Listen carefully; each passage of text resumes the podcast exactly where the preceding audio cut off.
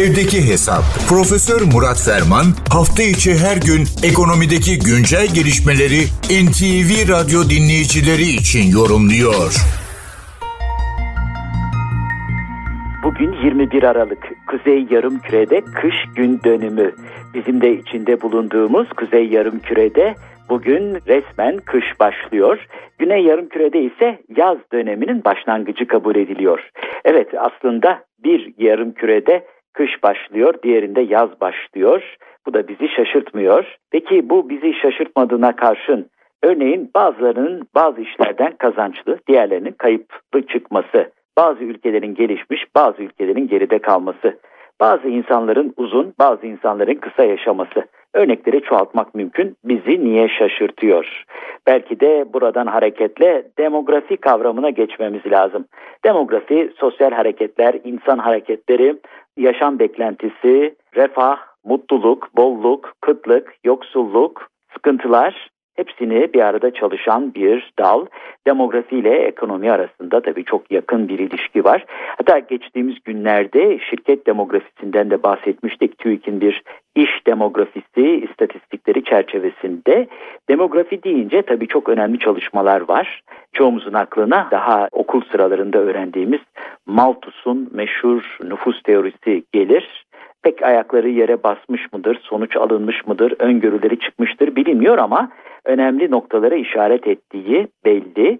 Bu çerçevede şöyle bir demografiyle ilgili okuma yaparken önemli bir isme rastladım. Angus Madison 2010 yılında kaybettiğimiz çok değerli bir İngiliz iktisatçı.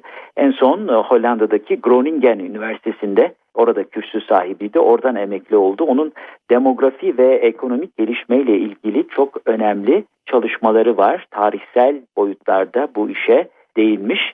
Bugün olduğu gibi zaman akıp geçiyor, mevsimler geçiyor.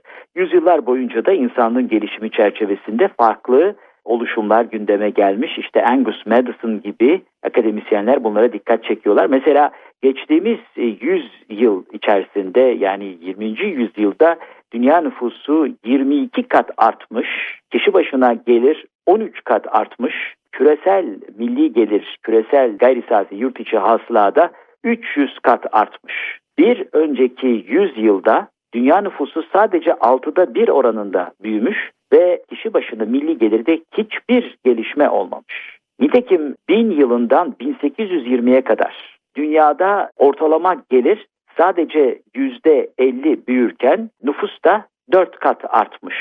800 küsür yıl içerisinde. Ama 1820 yılından sonra kişi başına milli gelirin 8 misli arttığını, buna karşılık nüfusun 5 misli arttığını görüyoruz. Yani refaha 1820'li yıllardan sonra ulaşılmaya başlanmış. O da tabii sanayi devriminin bir belki tezahürü ama önemli noktalardan bir tanesi demografinin de çalışma alanı hayat uzunluğunda yaşam süresinde elde edilen önemli gelişmeler binli yıllara kadar yeni doğan biri ortalama 24 yıl yaşamak beklentisiyle karşı karşıyaydı. Yani bin yılına kadar dünyada ortalama yaşam süresi 24 yaş olarak çalışılıyor. Bunlardan üçte biri bir yaşına gelmeden zaten hayata vefat ediyordu veda ediyordu. Ve 1820 yılına kadar da bu beklenti 24-25 yıllık yaşam beklentisinde çok e, böyle ufak gelişmeler, pozitif gelişmeler oluyor. Ama 1820 yılından sonra özellikle bu konuda hakikaten çok önemli kazanımlar oluyor. Nitekim 20. yüzyılın başında 66 yıla ulaşıyor. Bugün de biliyorsunuz 80'li yıllardan bahsediyoruz. Evet demografi, ekonomi, kıt kaynakların nasıl dağılacağı, birinin kazancı, diğerinin kaybı. Birinde kış döneminin başlangıcı, diğerinde yaz mevsiminin başlangıcı. Dünya böyle çelişkilerin, dünya böyle çatışmaların bir arada yer aldığı bir platform belki de. Bize de ekonomi ve diğer pencerelerden bunlara bir anlam kazandırmaya, bunlara yakından bakmaya çalışmak, çabalamaktan başka bir şey düşmüyor ve selam. Bu genel bilgi paylaşımı ve değerlendirme çerçevesinde değerli dinleyenlerimize katma değeri yüksek ve yüksek katma değerli bir gün diliyor. Huzurlarınızdan hürmetlerle ayrılıyorum. Profesör Murat Ferman'la evdeki hesap sona erdi. Kaçırdığınız bölümleri www.ntvradio.com.tr adresinden dinleyebilirsiniz.